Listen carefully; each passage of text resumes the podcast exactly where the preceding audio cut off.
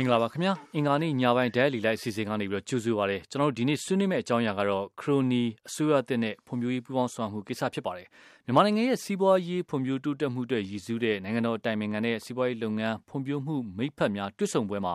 အရင်စစ်ဆိုးရနဲ့နှီးစပ်ခဲ့တဲ့ခရိုနီစီးပွားရေးလုပ်ငန်းရှင်တွေကိုဖိတ်ကြားခဲ့တယ်လို့သူတို့ကရှစ်ဆက်ဖွံ့ဖြိုးရေးလုပ်ငန်းတွေမှာအစိုးရကိုဝိုင်းဝန်းကူညီကြဖို့ဆိုပြီးတော့နိုင်ငံတော်တိုင်ပင်ခံကကမ်းလှမ်းခဲ့ပါတယ်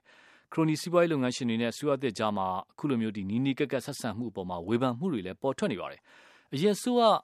ဒီအရင်တော့စစ်ဆိုးရလက်အောက်မှာအမိပြက်ခဲ့ရတဲ့ဒီခရိုနီစီးပွားရေးလုပ်ငန်းရှင်တွေဟာအခုအစိုးရတည်ရဲ့အောက်မှာနိုင်ငံတော်ရဲ့စီးပွားဖွံ့ဖြိုးမှုအစီအစဉ်တွေမှာတကယ်ပဲအသုံးတဲ့မယ်အသုံးဝင်မယ်အများအကျိုးကိုစောင့်နိုင်မယ်လို့ယူဆပါလားအခုဆွေးနွေးမှာဖြစ်ပါတယ်အဓိကပါဝင်ဆွေးနွေးပေးဖို့အတွက်ကျွန်တော်ပုဂ္ဂိုလ်နှစ်ဦးဖိတ်ခေါ်ထားပါတယ်ပထမတစ်ခုကတော့ဒီ International Strategic ဒီ Institution ကဖြစ်တဲ့ဥအောင်သူငင်းကိုကျွန်တော်ဖိတ်ခေါ်ထားပါတယ်နောက်တစ်ခုကတော့ NHK ကပါသတင်းတောက်တူပါအဲကိုတီဟကိုဖိတ်ခေါ်ထားပါတယ်နှစ်ဦးစလုံးလေလိုင်းပေါ်ကိုရောက်နေပါပြီကျွန်တော်ဒီမတိုင်ခင်တော့အရင်ဆုံးအာဒီနိုင်ငံတော်တိုင်ပင်ခံပုဂ္ဂိုလ်ကဒီစီးပွားရေးလုပ်ငန်းရှင်တွေဖွံ့ဖြိုးမှုမိဖက်တွေနဲ့တွစ်ဆုံပွဲမှာသူဒီခရိုနီနဲ့ပတ်သက်လို့ပြောသွားတဲ့ဟာကိုကျွန်တော်အရင်ဆုံးကောက်နှုတ်ပြီးတော့ဖွင့်ပြချင်ပါတယ်ခင်ဗျ စီးပွားရေးလုပ်ငန်းရှင်ကြီးတွေအားလုံးဟာကျမတို့နိုင်ငံရဲ့ဖွံ့ဖြိုးတိုးတက်မှုတွေမှာပါဝင်ပိုင်ခွင့်အပြည့်အဝ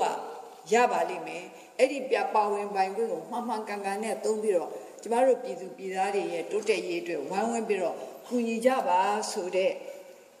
ကျမတို့ရဲ့ဆန္ဒကိုထုတ်ဖော်ပြောခြင်းလို့စီစဉ်လိုက်ရတဲ့ဆွေးနွေးပွဲဖြစ်ပါတယ်ကျမတို့ကကျမတို့ရဲ့စီးပွားရေးလုပ်ငန်းရှင်တွေများပုံမှာအများကြီးအောက်ကိုပါတယ် အရင်ဒီအစိုးရမတက်ခင်ကတည်းကအားလုံးသိနေတဲ့မြန်မာအင်္ဂလိပ်ဘာသာစကားကိုမတန်းကျွမ်းကျင်မှုဆိုပေမဲ့တောင်မှသိနေတဲ့အသုံးနှုန်းတစ်ခုရှိပါတယ်ခရိုနီဆိုတဲ့အသုံးနှုန်းဒါကျမတို့ရဲ့နိုင်ငံတနိုင်ငံလုံးမှာပြန့်ပွားနေတယ်ခရိုနီတွေဒီဒီစီးပွားရေးအောင်မြင်နေတဲ့လူတွေကခရိုနီတွေပြောရမယ်ဆိုလို့ရှိရင်အစိုးရနဲ့အာဏာရှိတဲ့ပုဂ္ဂိုလ်များနဲ့ပင်းပြီးတော့မိမိတို့ရဲ့အောင်မြင်မှုအတွက်လှုပ်ထားအဲတရားဥပဒေဘောင်တွင်းကလှုပ်ထားမဟုတ်ဘူး ဒါအများပြည်သူအတွက်လှုပ်ထားမဟုတ်ဘူးဆိုပြီးဒီလိုဝေဖန်ချက်တွေရှိပါတယ်ဒီလိုဝေဖန်ချက်တွေကြားတဲ့အခါမှာကျမစိတ်မကောင်းပါဘူးစိတ်မကောင်းဘူးဆိုတာကျမတို့ရဲ့ပြည်သူပြည်သားများအချင်းချင်းဘာလို့တော့စိတ်ဝေးကွဲနေကြပါလဲစိတ်တကယ်ပဲဒီလိုပဲကိုယ့်အတွက်ပဲလုပ်မယ်ဆိုတဲ့လုပ်ငန်းရှင်ကြီးများကျမတို့နိုင်ငံမှာများနေသလားကိုကျိုးအတွက်ပဲကြည့်မယ်ဆိုတဲ့ပုံပေါ်ကြီးကျမတို့နိုင်ငံမှာများနေသလားဒီလိုဟာမျိုးတွေရှိနေတယ်ဆိုရင်နိုင်ငံအတွက်ဒါမှဝင်းနေစရာဖြစ်တယ် ဒါပေမဲ့ကျမယုံကြည်ချက်တစ်ခုကအတိတ်ဆိုတာကိုယ့်ကိုချီနှောင်ထားဖို့မဟုတ်ဘူးသင်ခန်းစာယူပြီးတော့ရှေ့ကျမတို့ဆက်သွားနိုင်ရမယ်တစ်ချိန်တစ်ခါတုန်းကကိုယ့်အတွက်ပဲလုပ်ခဲ့တဲ့ပုံကိုယ်တွေကနောက်တစ်ချိန်တစ်ခါမှအများအတွက်မလုပ်နိုင်ဘူးလားအများအတွက်လုပ်နိုင်တဲ့အရေးချင်းတွေတို့မှမရှိဘူးလားကိုယ့်အစုအဖွဲ့ကိုယ့်ရဲ့လုပ်ငန်းကိုယ့်ရဲ့ပတ်ဝန်းကျင်ကိုယ့်ရဲ့မိသားစုအတွက်ပဲစဉ်းစားခဲ့တဲ့ပုံကိုယ်များဟာအမြင်ကျယ်လာပြီးတော့တတိုင်းပြည်လုံးအတွက်စဉ်းစားနိုင်တဲ့အရေးချင်းတွေ မမွေးနိုင်ဘူးလားဆိုတာကိုဒါကျမစဉ်းစားခဲ့ပါတယ်ကျမတို့ဒါဖြစ်နိုင်တယ်လို့ယုံကြည်ပါတယ်ဒါကတော့ဒီပြီးခဲ့တဲ့ရက်ကစီးပွားရေးလုပ်ငန်းရှင်များဖွံ့ဖြိုးမှုမိဖက်များနဲ့တွေ့ဆုံပွဲမှာနိုင်ငံတော်တိုင်ပင်ခံပုဂ္ဂိုလ်ဒေါန်ဆန်းစုကြည်ပြောသွားတဲ့ဒီမိကုန်းတွေကအပိုင်းစာချုပ်ပါကျွန်တော်အရင်ဆုံးဆွေးနွေးမဲ့အထက်ကနေပြီးတော့ဒီနိုင်ငံတကာမဟာဗျူဟာလေးလာရေးဖွဲ့ကဥအောင်သူငင်းကိုကျွန်တော်အရင်ဆုံးဖိတ်ခေါ်ချင်ပါတယ်ခုနကဒေါန်ဆန်းစုကြည်ပြောသွားတဲ့ကိစ္စပေါ်မှာပေါ့အာလက်ရှိမြန်မာနိုင်ငံစစ်ဆူအသည့်ရဲ့ဒီစီးပွားဖွံ့ဖြိုးရေးအစီအစဉ်တွေမှာခုနကပြောသလိုခရိုနီစီးပွားရေးလုပ်ငန်းရှင်တွေ ကိုဖိတ်ခေါ်ပါတယ်ကမ်းလှမ်းပါတယ်ဒီလူတွေကနိုင်ငံတော်အကျိုးစီးပွားအတွက်အာအများကျိုးအတွက်ပူးပေါင်းပါဝင်ကြပါဆိုတော့ဖိတ်ခေါ်ထားပါတယ်အဲ့တော့တကယ်ပဲအစိုးရသိရဲ့လုပ်ငန်းတွေအတွက်သူတို့တွေကအသုံးတက်မယ်လို့ယူဆပါလားဥအောင်သူညအမြင်ကိုအရင်ဆုံးသိလိုပါတယ်ခင်ဗျဟုတ်ကဲ့ဟိုဒီလိုဗျကျွန်တော်ပထမဆုံးပြောချင်တာကတော့ကျွန်တော်တို့စီမှာ business confidence လို့ခေါ်တဲ့ဒီစီးပွားရေးလုပ်ငန်းရှင်တွေကယုံကြည်မှုရှိရှိနဲ့ဒီလိုရင်းနှီးမြှုပ်နှံနိုင်တဲ့အခြေအနေမျိုးလိုအပ်ပါတယ် အဲ့တော့ပထမဆုံးဒေါအောင်ဆန်းစုကြည်မိန့်ခွန်းကတော့ဒီလိုမျိုး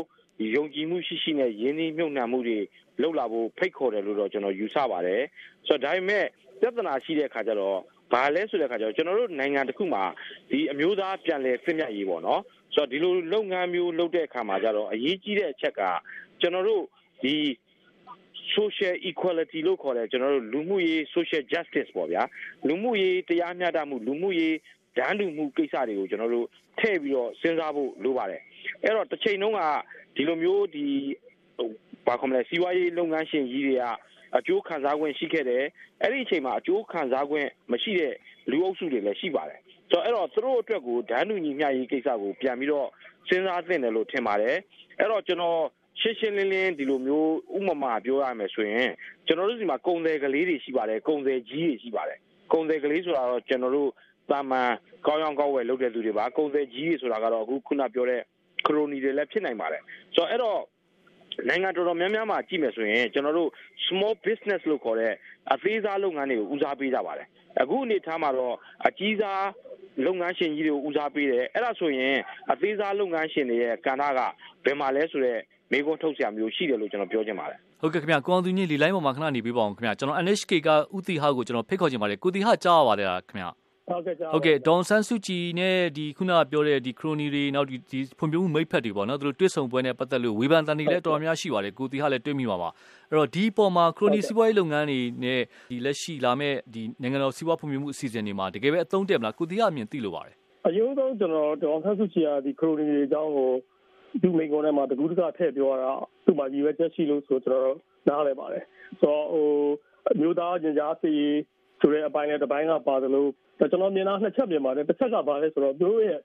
ဒီတော့စီးပွားရေးမှာ level ground ပေးတဲ့သဘောပေါ့နော်အားလုံးဒန်းတူညီညာညီညာမှုရှိတယ်ဆိုတော့အာမခံချက်တစ်ခုပေးပြီးတော့ဒီလူတွေကိုကျွန်တော်တို့ဒီဒီဒီအစိုးရအသစ်အနေနဲ့ encourage လုပ်တဲ့သဘောပေါ့နော်ဒီလူတွေဟာဘာဖြစ်လို့လဲဆိုတော့အတွေ့အကြုံလည်းရှိတယ်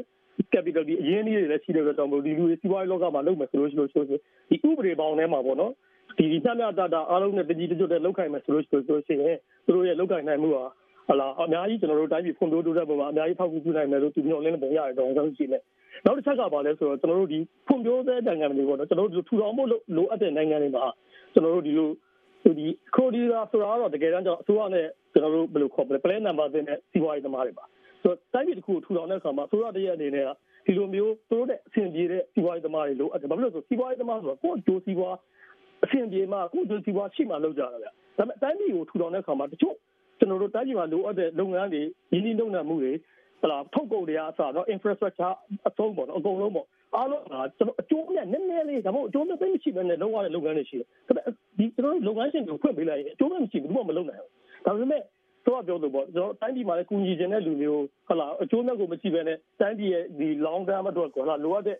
အခြေအနေတွေကိုဒီတကယ်ဟိုမဟာဗျူဟာမြောက်တဲ့လုပ်ငန်းတွေမှာဝင်ပြီးယင်းနှီးမြှုပ်နှံပေးမယ်လုပ်ပေးမယ် တကယ်ကိုအစိုးရကိုကူမဲ့စီးပွားရေးသမားတွေကျွန်တော်တို့တိုင်းပြည်မှာလိုအပ်တယ်ကျွန်တော်ထင်တာပြောရင်တော့စက်စုကြဒီချက်ကိုလည်းထည့်စဉ်းစားဖို့ရတယ်ဟုတ်ကဲ့ခင်ဗျကိုတီဟာကိုဦးအောင်သူညင်းကလီလိုင်းပေါ်မှာခဏနေပေးပါအောင်ခင်ဗျဒီတော့ရှင်ချို့ကျွန်တော်ဖိတ်ခေါ်ခြင်းပါတယ်ပထမဆုံးရန်ကုန်မြို့ကကိုနေလလီလိုင်းပေါ်ရောက်နေပါပြီကိုနေလဆွေးနွေးလို့ရပါတယ်မင်းများညင်ဦးအောင်သူညင်းဦးတီဟာနေအောင်လုံးလီလိုင်းပေါ်မှာရှိပါတယ်ဟုတ်ကဲ့ခင်ဗျာကျွန်တော်တို့ကျွန်တော်ကျွန်တော်လူလူကောင်းဆောင်ဒေါ်ဆန်းစုကြည်ပေါ့နော်ကျွန်တော်အစိုးရတက်မှာသူဥဆောင်နေတာပေါ့နော်ကျွန်တော်တို့ဒီ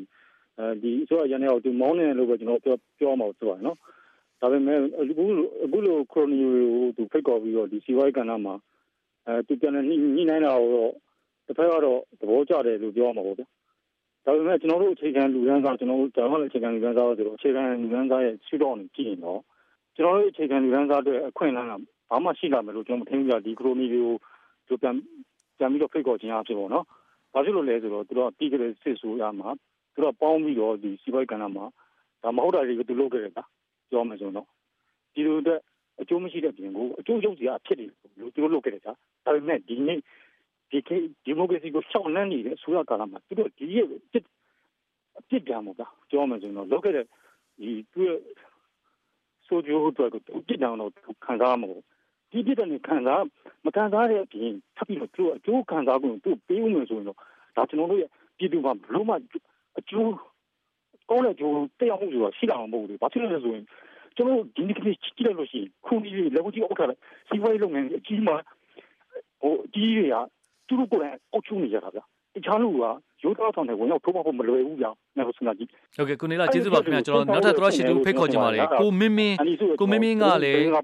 အဲရန်ကုန်မြို့ကပါပဲကိုမင်းမင်းကြားပါလားခင်ဗျာတူတူတုတ်လေးဆွေးနွေးလို့ရပါတယ်မင်းမြန်းချင်းဥအောင်သူငိဥတီဟာရှိပါတယ်လေလိုင်းပေါ်မှာ ဟုတ်ကဲ့ကိုတန်းညုံကြားပါတယ်ဟုတ်ကဲ့ကိုနေလာပြောသွားတာလေတော်တော်ကောင်းပါတယ်ကိုသူပြောတာလေးကအောက်ခြေပိုင်းကိုပြန်ကြည့်ဖို့ပြောတော့တာပါနော်အဲ့တော့ဟိုကျွန်တော်အနေနဲ့ကတော့ comment ပေးချင်တာတော့ကိုယ်လက်ရှိဒေါအောင်ဆန်းစုကြည်အနေနဲ့ဒီ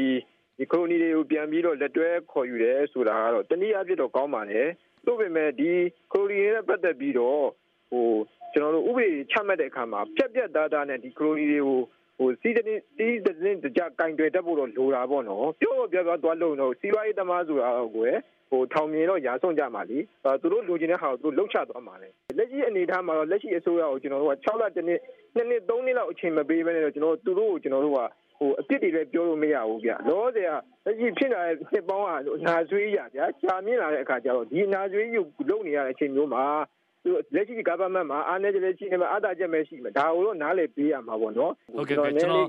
တစ်ဆက်သေးပါကျွန်တော် one win ကကိုချစ်မြိုင်ကိုချစ်မြိုင်ကိုပါတခါတည်းဆွေးနွေးစီခြင်းပါတယ်အခုဟုတ်ကဲ့ဆရာကျွန်တော်တို့အမြင်ပြောရင်တော့ဆရာရဲ့ကျွန်တော်တို့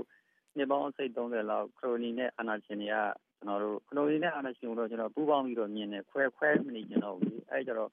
ကျွန်တော်တို့ကိုကျိုးသမားတွေဟိုဟိုကျွန်တော်တို့မြန်မာအင်မတန်တရားစာတာပို့တဲ့နိုင်ငံကိုအင်မတန်ဆင်းရဲတဲ့နိုင်ငံပြအောင်လုပ်ခဲ့တယ် ဒါလည်းပုံမြင်လည်းမဟုတ်ဘူးတဏှာကြီးလည်းမဟုတ်တကယ်ဖြစ်ရဲ့နှစ်ပေါင်းစိတ်30လောက်ထင်လို့ချစ်လေသွားတယ်အဲဒါတော့ဆရာရဲ့သူတို့ကသူတို့ကျွန်တော်တို့ဒီမိုကရေစီကျွန်တော်တို့ဟိုအစိုးရကိုဟိုသူတို့နောက်ကိုဆုတ်ခွာသွားတယ်ဒီမိုကရေစီကို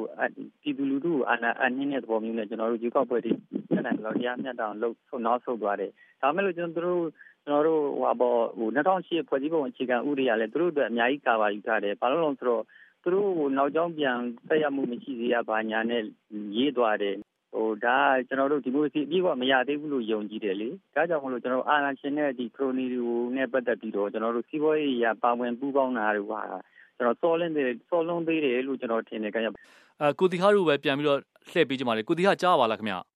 ကြားပါတယ်ဗျဟုတ်ကဲ့ကိုတီဟာခုနကသရရှင်တွေဆွေးနွေးသွားကြတဲ့ထက်မှာခရိုနီနဲ့ပတ်သက်လို့သူတို့ရဲ့ခံစားချက်တွေပါပါတယ်ကိုတီဟာဒီပေါ်မှာဗာများတုံ့ပြန်ဆွေးနွေးလို့ပါလေ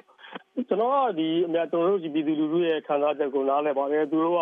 ဟိုအများကြီးခံစားခဲ့ရတယ်မျက်စိရှိမှလည်းဟလာကျွန်တော်တို့တိုင်းပြည်မှာခံစားတာတွေပြုံးသွားတယ်ဒီလူတွေကကြီးကြီးတဲ့ချမ်းသာသွားတယ်ကျွန်တော်တို့နေပြည်တော်ကြီးထူထောင်လိုက်တယ်ဟလာဟိုမတန်တဆအဆောက်အဦတွေကိုတခါတည်းဟိုနိုင်ငံတော်ဘတ်ဂျက်တွေချပေးပြီးတော့ဒီလူတွေကမြင်မကောင်းအောင်ချမ်းသာတော့ကျွန်တော်တို့မျက်စိရှိနေတယ်တိုင်းပြည်ကဆင်းရဲတဲ့လောက် ဟလာဒီလူတွေချမ်းသာတော့ကျွန်တော်တို့အားလုံးမြင်တဲ့အတွက်ကြောင့်ပြည်သူလူထုကဒီလိုပဲခံစားပါတယ်ဒီခံစားချက်ကမမှားပါဘူးဒါပေမဲ့ကျွန်တော်ကဒီကောင်ဆန်းကြည့်ပြောသွားတဲ့ချက်ထဲမှာကျွန်တော်လေးလေးနဲ့ပြန်ပြီးတော့ဟို interpretation လုပ်ချင်တာတော့သူက